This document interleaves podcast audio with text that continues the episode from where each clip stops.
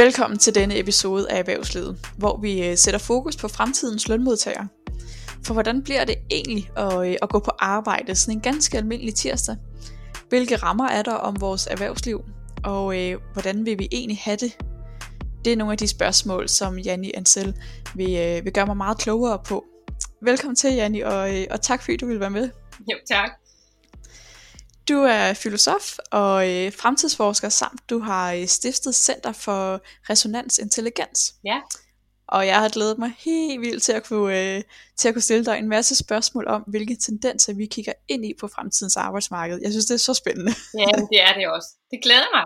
og, øh, og noget af det, jeg faktisk også kom til at tænke på, da jeg ligesom sad og, øh, og tænkte lidt på, hvad vi skulle snakke om, det var egentlig sådan, øh, hvordan finder man overhovedet ud af, hvilken retning vores fremtid bevæger os i? Ja, altså det er jo noget med at se på de strømninger, der i forvejen er, og de mønstre, der har været for inden, kan man sige. Ikke? Øh, så, så, øh, så det er noget med at se, hvordan tingene bevæger sig. Sådan lidt på samme måde, som man kunne sige, når folk de forudser øh, finanskrise frem i tid, så er det jo fordi, der er nogle bølger, der har været for inden. Øh, så jeg kigger jo både tilbage i tid, men også på nutid, og så har jeg jo nogle hypoteser om, hvad der sker frem i tid, og så kan jeg se dem bekræftet allerede, nogle af dem. Ja, okay. Og noget af det, som, altså, som jeg så vil sige øh, nærmest, jeg tror ingen havde øh, forudset, det var jo selvfølgelig corona. Ja. Øh, og hele den her corona-lockdown. Og den satte jo virkelig skub i nogle ting. Blandt andet det her med at, øh, at arbejde remote. Ja. Og, øh, og der er både en rigtig stærk bevægelse i gang i forhold til, at vi skal kunne work from home, men mm. også rigtig meget, at vi skal kunne øh, work from anywhere. Ja. Så vil du mene, at vi øh, om nogle år i lige så høj grad arbejder fra alle mulige forskellige verdenshjørner, som fra Danmark, eller er det alligevel lige i overkanten?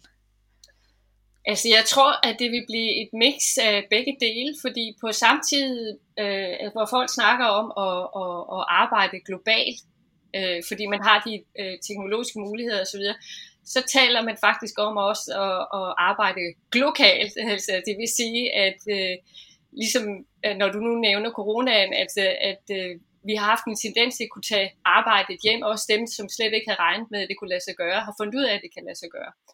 Så, så jeg tror, vi vil se mere af det nu, fordi dem, der var lidt usikre på, om det kunne lade sig gøre, de kan se, det kan det faktisk og noget af det, som vi også synes, jeg snakkede øh, rigtig meget om, og har snakket om i årvis inden corona, og vi kan komme meget hurtigt til at snakke rigtig meget om igen, det er, øh, det er stress.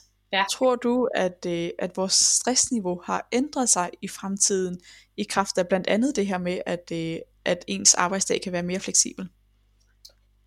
Ja, altså andet lige, så vil det jo give, øh, øh, når det giver nogle muligheder for at få noget mere fritid. Altså, der var rigtig mange, der i forbindelse med interviews med det her med coronaen, gjorde opmærksom på, at de fandt det mindre stressende, at de kunne gå ud og lave sig en kop te, og så stadigvæk øh, arbejde og så videre. Ikke? Så, så, så når folk sådan har fået en smag på, at jamen, jeg kan faktisk godt passe mit arbejde på en anden måde, som er mere fleksibel og giver mere mening for mig selv, øh, så vil det også ændre stressmønstrene. Og lige nu, øh, apropos det der med at se mønstre, så er kurven jo, altså, kan man sige, rigtig, rigtig høj. Altså, det er ikke kun øh, på arbejdsmarkedet, at folk er stresset. Det er de helt unge på gymnasiet også, der er voldsomt stresset også. Ja. Så man kan sige, at vores samfund faktisk øh, viser nogle krisesymptomer på, at, at, øh, at, at stressen er, altså kulminerer. Og nu har vi så set en mulighed for, at det kunne blive anderledes. Ikke? Jo, men det er jo egentlig også noget af det, jeg, øh, jeg synes, når vi snakker om på mit arbejde, det her med at arbejde hjemmefra eller skulle møde ind, øh, jeg synes, jeg kan se en ret tydelig tendens i forhold til vores generationer, øh, hvem der trives bedst med at arbejde hjemmefra. At det er klart en yngre generation, og jeg synes, jeg oplever, at den, øh, hvad skal man sige, den ældre generation trives øh, bedst med at, at komme på arbejdspladsen. Ja. Tror du, det her fleksible arbejdsliv ligesom stresser generationerne på forskellige måder? Ja, det vil det gøre. Altså, der er rigtig mange, der har, øh, kan man sige, lavet nogle jokes omkring det her med introverte og ekstroverte personer, at de introverte har haft det rigtig godt med at kunne få lov til at arbejde derhjemmefra, og de ekstroverte har kedet sig gevaldigt. Ikke? Øh, så, ja. så måske bliver folk mere opmærksom på, hvad der virker for dem, eller ikke måske, det ved jeg det faktisk vel, fordi det viser det tegn på. Øh, så, så folk finder mere ud af, og når du nu nævner det med generationer, så er generationer mere bevidste om, de er født ind i en digital kultur og kender det digitale redskab, og nu har de øh, været igennem en proces, hvor de øh, har fundet ud af, at samfundet faktisk godt kan navigere med, at, at, at de bruger det på deres egen præmisser, kan man sige. Ikke?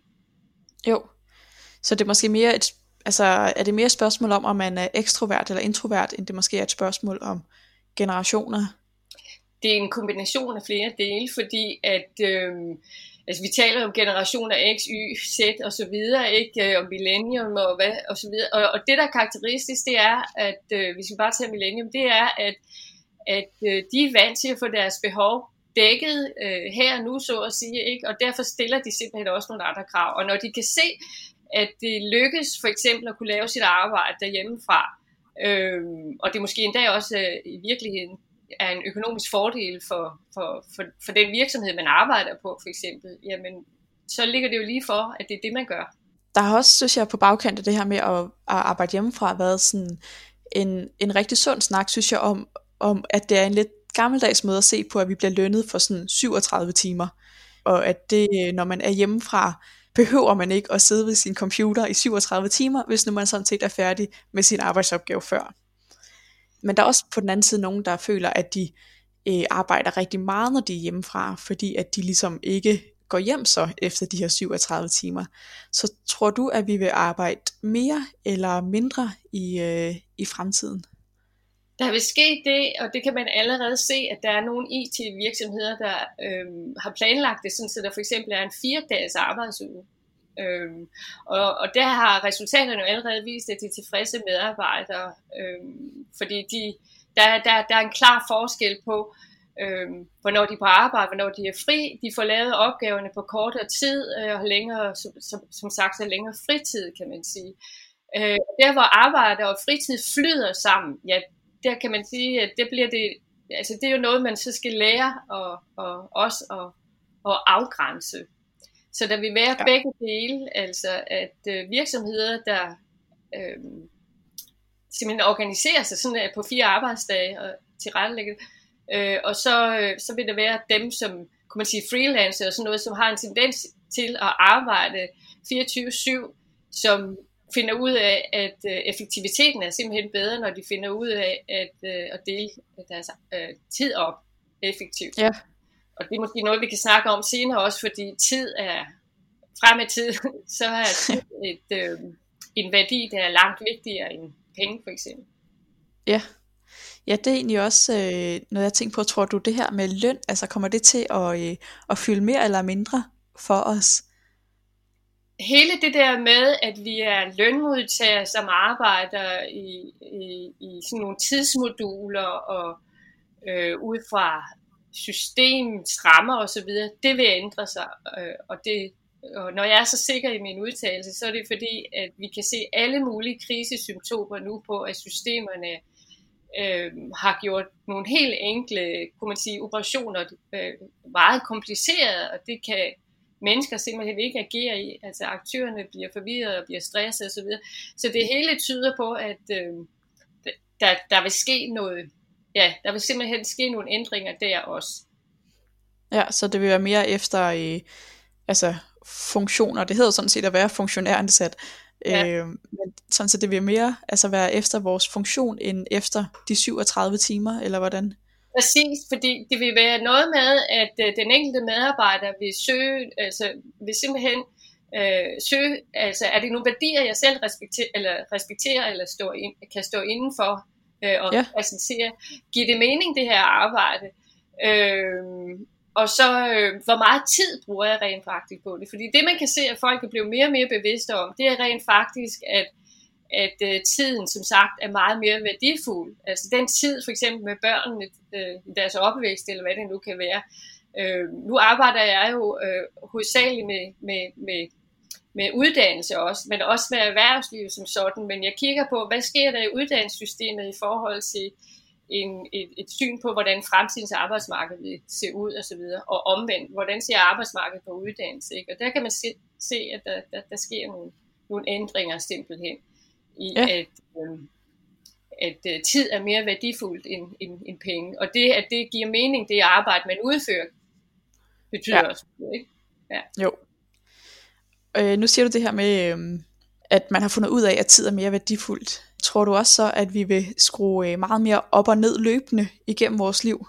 Altså i dag så er det jo meget, øh, at man arbejder 37 timer, og det kan man jo så gøre hele sit liv igennem. Men tror du, at vi vil så køre ned, når vi har små børn, og så op igen, når de flytter hjemmefra, og ja, på den måde? Ja. ja. Ser du, at vores arbejdsmarked er klædt på til det? Ja, altså det interessante er jo faktisk, at øhm, øh, i forhold til det der med, at man giver ned, så kan man se, at der er flere, der bliver det, som man kalder for homemaker. Altså det vil sige, at de har langt større fokus på at skabe et arbejde, der er, kommer derhjemmefra, så at sige, der er tilrettelagt ud fra, hvornår børnene sover, eller hvad det nu kan være. Øh, ja. Man kan se familier, der simpelthen øh, vælger også at homeschool deres børn, øh, eller on-school for den sags skyld. Man kan se familier, der arbejder i små øh, lokalsamfund, altså støtter hinanden osv. Og det er ganske interessant, at når tingene bliver for komplicerede, så helt af os selv, så øh, vender vi tilbage til at samle op på og forenkle. Og det er det, vi vil se i fremtiden, det er, at folk øh, holder mere fast ved, kunne man sige, nogle dybere værdier, end, end sådan noget som 24-7 og så en løntjek. Men der vil selvfølgelig ja. altid være lønmodtager, men vi vil flytte os fra den der forståelse af lønmodtager ud fra den der industrialiseringslogik. Den vil vi flytte, øh, og, øh, den, den ændres nu her i, i de her kommende år. Ikke? Jo. Og det kommer af sig selv. Altså, der, der er mange fra erhvervslivet, der, der benægter, at det vil ske. Men det kommer af sig selv, og det hedder med meget fint dansk ord, disruption. Ja. altså, at, øh, erhvervslivet kan blive nødt til at ændre sig, fordi både i forhold til kunder og, og leverandører, men bestemt også til medarbejdere. Ja. Og nu siger du et par år ud i fremtiden, altså skal vi ikke, øh, er det et par år ud i fremtiden, det handler om, eller hvor langt skal vi ud, før vi ligesom vil kunne se en markant ændring i forhold til i dag? Den markante ændring, den kommer, øh, altså jeg tror, øh, der vil være et skift allerede 23, 24, 2023, 2024, ikke? Og det er jo allerede spået af mange øh, større øh, øh, virksomheder, også som Mærsk og så videre. Og det har simpelthen noget at gøre med, at de der, kan man sige, øh, markører som energi og transport øh, og kommunikation ændrer sig voldsomt nu. Ikke? Og det sker med øh, en øh, meget stor hastighed, og derfor så kan man sige, ja, der sker noget. Der vil ske øh, store ændringer inden for fem år, men det vil det også for 10 år, fordi at for, og om fem år, så er vi jo tvunget til, i forhold til energi, at tænke anderledes. Øhm, og i forhold til, at, at, at, at kunstig intelligens for eksempel, ja. øhm, vil mere mere ind, og robot og så videre, så vil hele arbejdsbegrebet simpelthen vendes på hovedet. Ja, det er også så, øh, ja. et interessant område, hvordan uh, teknologi kommer ind og, øh, og vender op og ned på alt. Ja, præcis. Øhm, ja.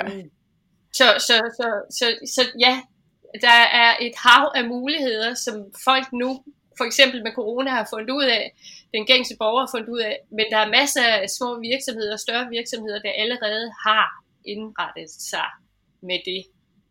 Ja. Der er ligesom, øh, kunne man sige, øh, tre bølger på, på vej, eller øh, de, øh, det er, at der vil komme en form for ny økonomi. Vi kører stadigvæk ud fra øh, en gammel økonomisk forståelse, som er helt tilbage fra 1760 af Adam Smith, ja. øh, og som i bund og grund øh, faktisk overhovedet ikke øh, skaber balance i samfundet, men tværtimod. Øh, så kan vi se det, som flere og flere får øjnene op, øh, især den yngre generation, og det er det her med bæredygtighed. Øh, og det er kommet for at blive. Og det må man sige. Jeg ser et ret interessant fænomen også i erhvervslivet, det er, at der er faktisk nogen, der træder frem og fortæller om deres spiritualitet i erhvervslivet. Ja, og altså det... Og Rikke Herren øh, rigtig meget for. Ja. Ja, og altså, og det her, det, jeg synes, hvis, jeg, eller hvis vi går øh, nogle år tilbage, så synes mm. jeg, at man så meget, at, øh, at det ligesom var arbejdstageren, der var ude og være opsøgende over for arbejdsgiveren, ja. og gøre sig attraktiv over for arbejdsgiveren. Ja. Og jeg synes, jeg oplever i dag, at den bliver mere og mere vendt, og employer branding er jo en, en voksende disciplin, og virksomhederne er virkelig ude også og brande sig over for kommende og eksisterende medarbejdere. hvorfor har erhvervslivet interesse i at hoppe med på den her med, at det er dem, der skal ud og promovere sig? Øh, det har de, fordi at der rent faktisk, øh, altså arbejdskraften er blevet kredsen, kunne man sige. ja. Stiller krav. Øh, og det er det samme med forbrugerne er blevet kredsen og stiller krav. Ikke? Øh, og jo. det er jo altså engang sådan, at øh, det er udbud og efterspørgsel, der skaber, eller der stiller rammerne for, hvad det er, at øh, der kan produceres, og hvad der er behov for osv. Øh, ja. så, så, så, så det er det, jo mere bevidst, at den enkelte borger bliver, øh, for eksempel i forhold til sit forbrug, øh, jo mere vil vi se, øh, hvordan faktisk deres store koncerter indretter sig. Vi kan bare se, hvad Hense Morris for eksempel. Ikke? Den bevidsthed, altså at, at forbrugerne øh, begynder at købe anderledes, gør, at selv store mastodonter begynder at lægge om. Ikke? Øh, jo. Ja. Ja, det er jo også interessant med H&M, fordi de er jo ellers ikke et dyrt mærke, men du behøver ikke længere være et eksklusivt mærke, før du skal være, før dine forbrugere er opmærksomme præcis, på det her. Ikke? Præcis, præcis. Og du kan også se det ved, altså, nu ved jeg ikke selvfølgelig meget om fast food, men jeg kan da, jeg har dog alligevel registreret, at de får snedet salatblad ind eller noget andet, der illustrerer, at, at det er meget bæredygtigt, eller i hvert fald, vi kan også veganske produkter alle steder, og så videre. Ikke? Så man kan tydeligt se, at forbrugeren sætter sit spor.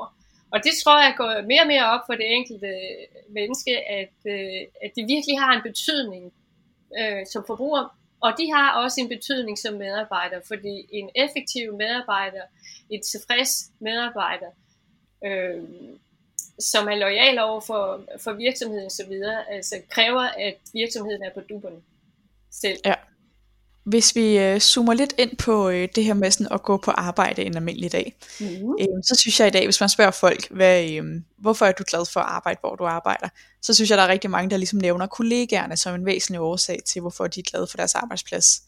Men hvis nu vi kommer til at arbejde meget på den her måde, hvor vi er meget remote, og øh, vi ligesom er på en eller anden måde meget mere øh, løst tilkoblet, øh, hvad for nogle ting tror du så, der er vigtige for, at folk er glade for deres arbejdsplads? altså der er ingen tvivl om det, at det relationer vil betyde rigtig, rigtig meget for øh, som medarbejder. Øh, så, så, så det der med, at man arbejder hjemme, altså der kan man jo se, at allerede nu kan man se, at så har folk fundet ud af, at så mødes man bare i nogle andre sammenhænge. Altså der vil simpelthen være en, altså øhm, det har der også været en del tale om her under coronaen, altså at øh, man finder ud af, at man behøver faktisk ikke at rejse til Frankfurt for at holde et eller andet møde, vel? man kan bare holde et møde øh, på nettet, så at sige. Ikke? Altså, det er både en snak om ressourcer, men også et snak om tid og så videre, så videre. Ikke? Altså hvad man bruger af transport. Øh, så det samme det vil man se øh, i forhold til, til, til den, den, den, altså den hverdagen, jeg arbejder, så at sige at øh, relationer stadigvæk vil betyde rigtig meget, men at man måske arbejder mere effektivt i visse, med, visse opgaver i forhold til at sidde og sysle med det selv derhjemme osv. Det er i hvert fald også det, folk de melder tilbage til i forhold til det her med corona. Ikke? Altså, de var langt mere effektive, fordi de blev ikke forstyrret så meget. Øh, og så havde de de her, kunne man sige, øh, meetings på, på nettet, og nogle meetings, de er kommet for at blive, og nogle andre meetings, de vil være fysisk. Fordi vi ja. stadigvæk har brug for hinanden fysisk, ikke?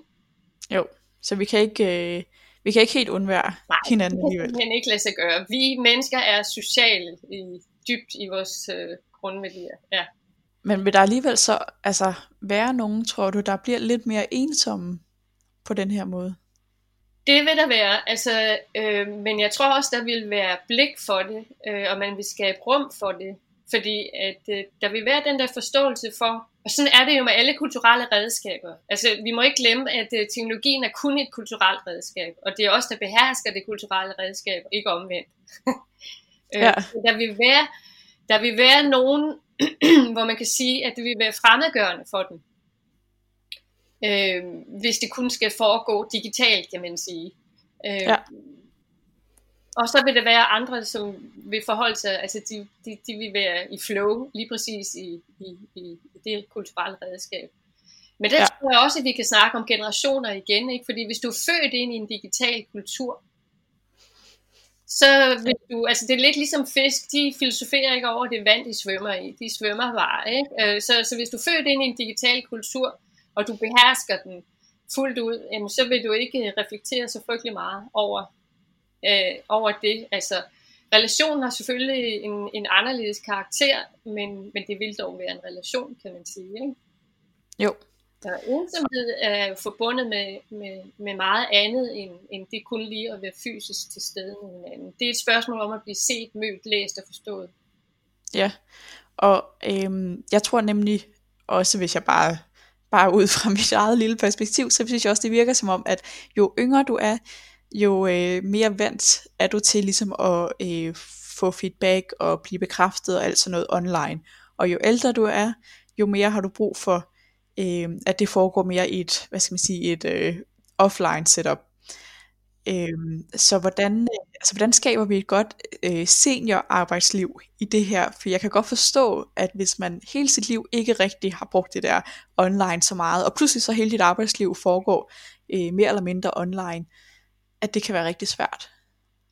Jeg tror, at øh, som jeg sagde før, så er det et kulturelt redskab, og øh, dem, der er født ind i, behersker det selvfølgelig til fulde, men seniorer vil, det er jo lidt forskelligt, for det er også noget med temperament, men det vi kan se, det er, at der er rigtig mange, der bruger det faktisk til, kunne man sige, i en, i en, i en høj alder, og, og enten øh, ja, uddanne sig videre, eller, eller for den sags skyld øh, skabe deres eget øh, arbejde, freelance og så videre, øh, på et tidspunkt, hvor man normalt måske vil begynde at, at give ned i, i arbejde, så giver de op og så videre. Så, de, så seniorerne bruger også øh, de kulturelle redskaber, men selvfølgelig ud fra deres præmisser, kan man sige.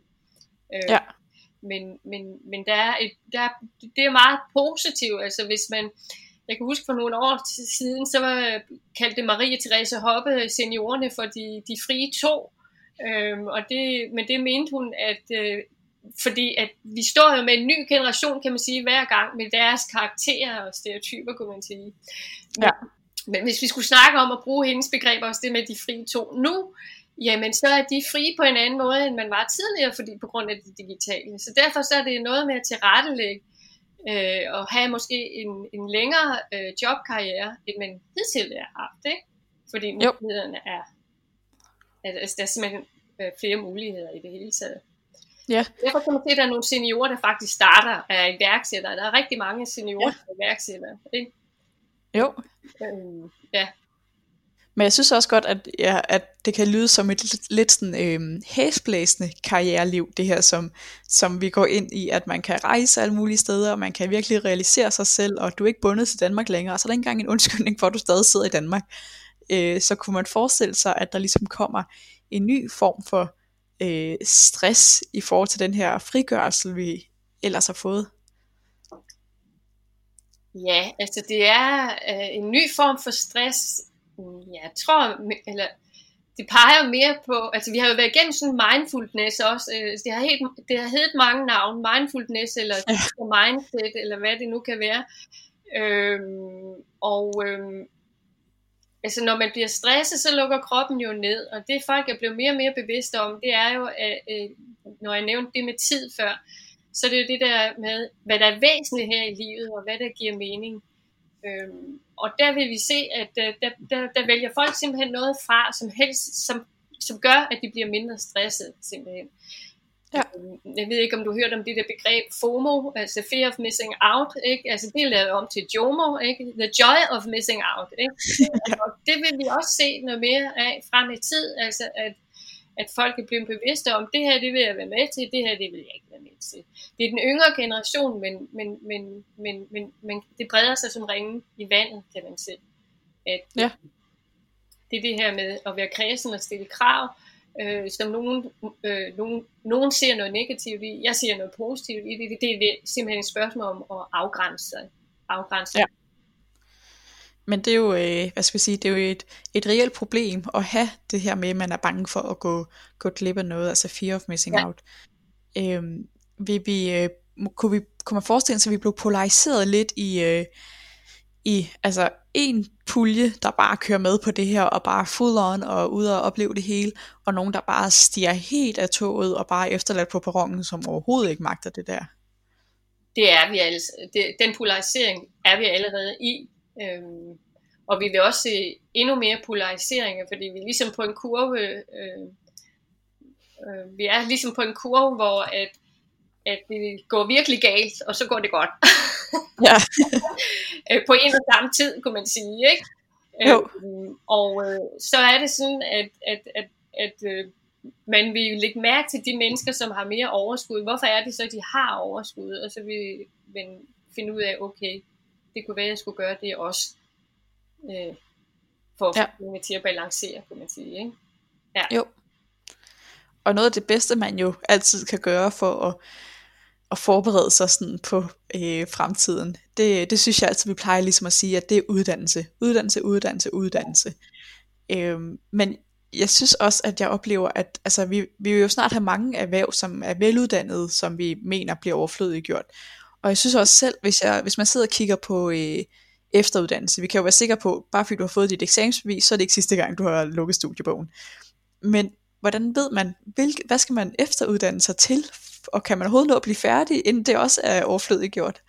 Ja, ved du hvad, det er virkelig bare et rigtig godt spørgsmål.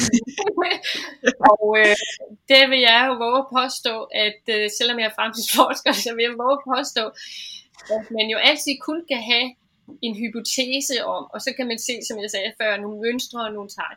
Men det interessante er, at uddannelsessystemet stadigvæk, øh, øh, kan man sige, laver curriculum og planlægger og sætter rammerne ud fra en gammel industrialiseringslogik.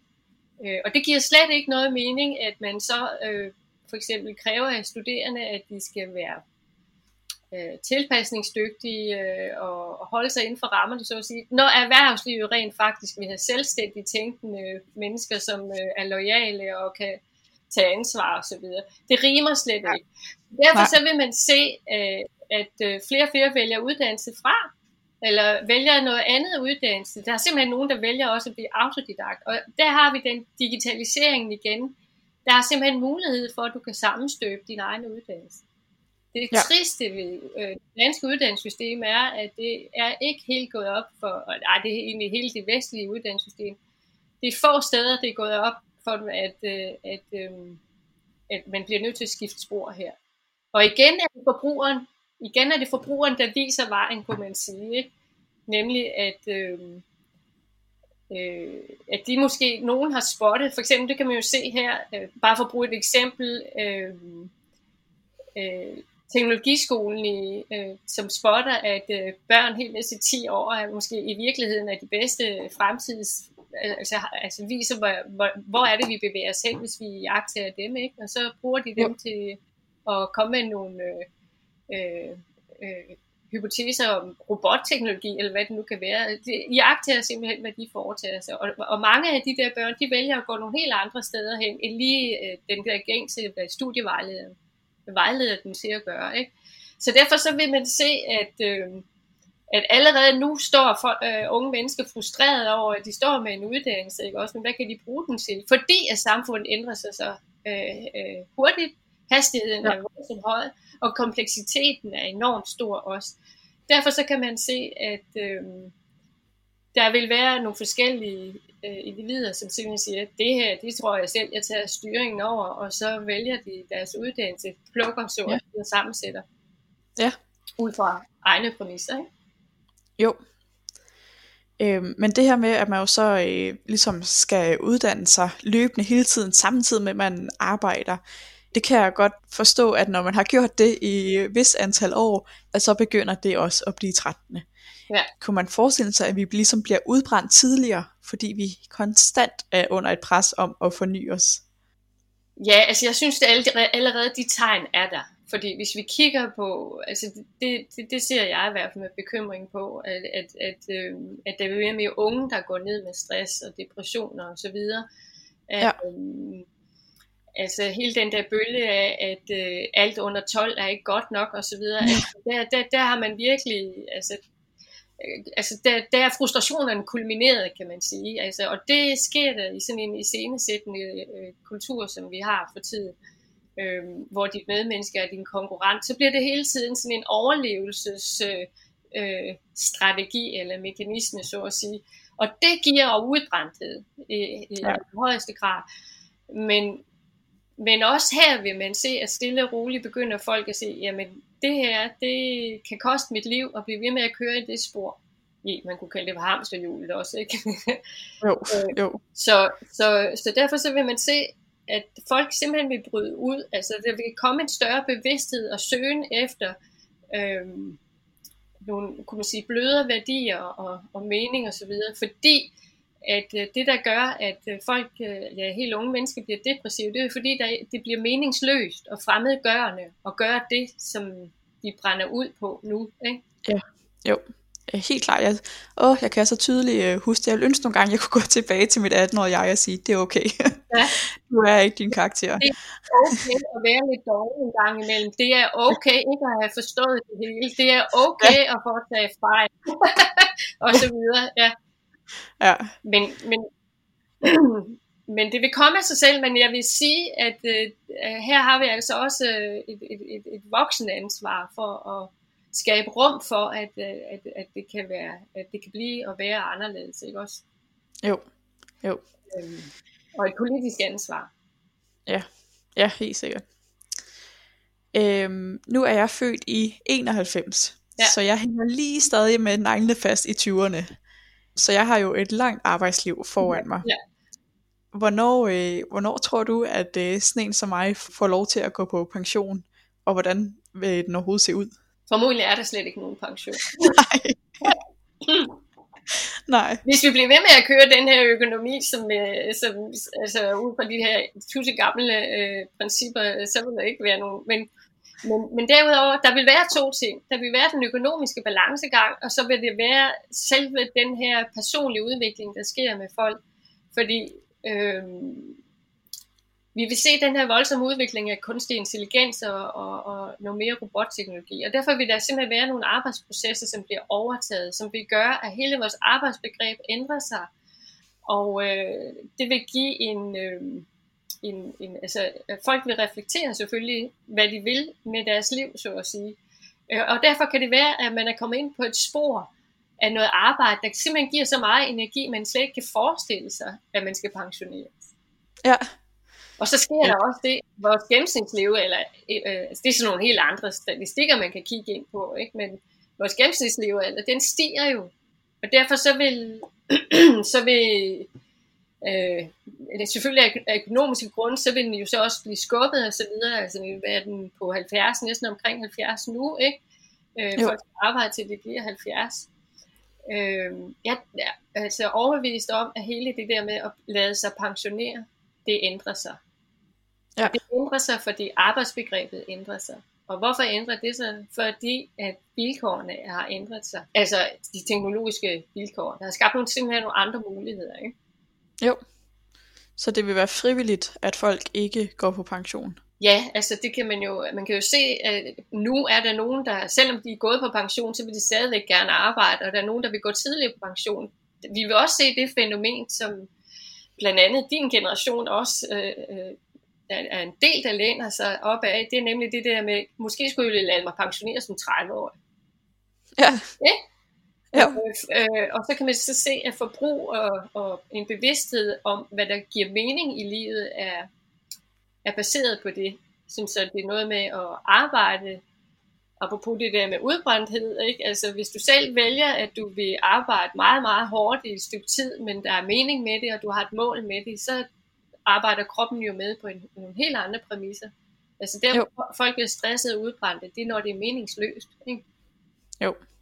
Altså sådan så, at vi vil ligesom have perioder i vores liv, hvor vi går på en form for pension og vender tilbage igen, eller hvordan tænker du? Sådan kunne det sagtens være. Ikke? Og så derfor, og det er det, jeg mener med selve ordet pensionsbegreb, det vil ændre sig. Fordi helt ja. havde det jo været noget med, når man nu havde været i produktionsapparatet som arbejdstager, så skulle man have øh, så skulle man have ekstra meget fri til at leve, når man gik på pension, ikke? Jo. Det kan man se. Det har folk sgu ikke tid til. De vil leve nu. ja. så at sige, ikke? Øh, jo. Og øh, det er også forbundet meget med frihed, kunne man også sige. Og der, der, derfor er der øh, nogen, der så vælger, så at sige, at styre deres forbrug, så de kan spare op til at være fuldstændig finansielt uafhængige i en tidlig alder. Og det er der nogen, der så kalder, at de lader sig pensionere i en tidlig alder. Det man ja. kan se, det er, at de arbejder videre, men de arbejder videre ud fra nogle andre vilkår. Måske for eksempel for at støtte fællesskabet i stedet for. Så der, så der kommer et andet overskud, øh, overskudstænkning ud af det her. Ja, det lyder spændende. Jeg glæder mig til at, at opleve det. Jeg glæder mig til fremtiden. Ja, det ser lys ud, Marlene. Det ser lys ud. ja. det gør det. Ja, ja således så, øh, så blev vi meget klogere på, øh, på fremtidens tendenser. Det har været øh, det var virkelig spændende at have dig med. Tusind tak, fordi du ville være med, Janni. Ja, tak fordi jeg måtte være med. Og øh, hvis nu du sidder derhjemme og synes, at det her med at arbejde på hjemmekontoret er interessant, øh, så, øh, så synes jeg, du skal lytte med i, øh, i næste afsnit, hvor jeg har Michelle fra Work Hero med, og hvor vi snakker om, hvordan man øh, egentlig øh, organiserer en god hjemmearbejdsdag for sig selv, øh, og en masse fif og tricks til, hvordan du gør det. Øh, samtidig med, at vi kigger lidt på, hvordan det ligesom påvirker vores øh, generelle erhvervsliv, det her med at arbejde hjemmefra. Tak fordi du lyttede med til denne episode af Erhvervslivet. Hvis du har et emne, du godt kunne tænke dig at blive klogere på, så hører jeg meget gerne fra dig. Du kan enten skrive til mig på marlenekongsted, eller du kan altid skrive til mig på LinkedIn. Og så håber jeg bare, at vi høres ved i næste afsnit.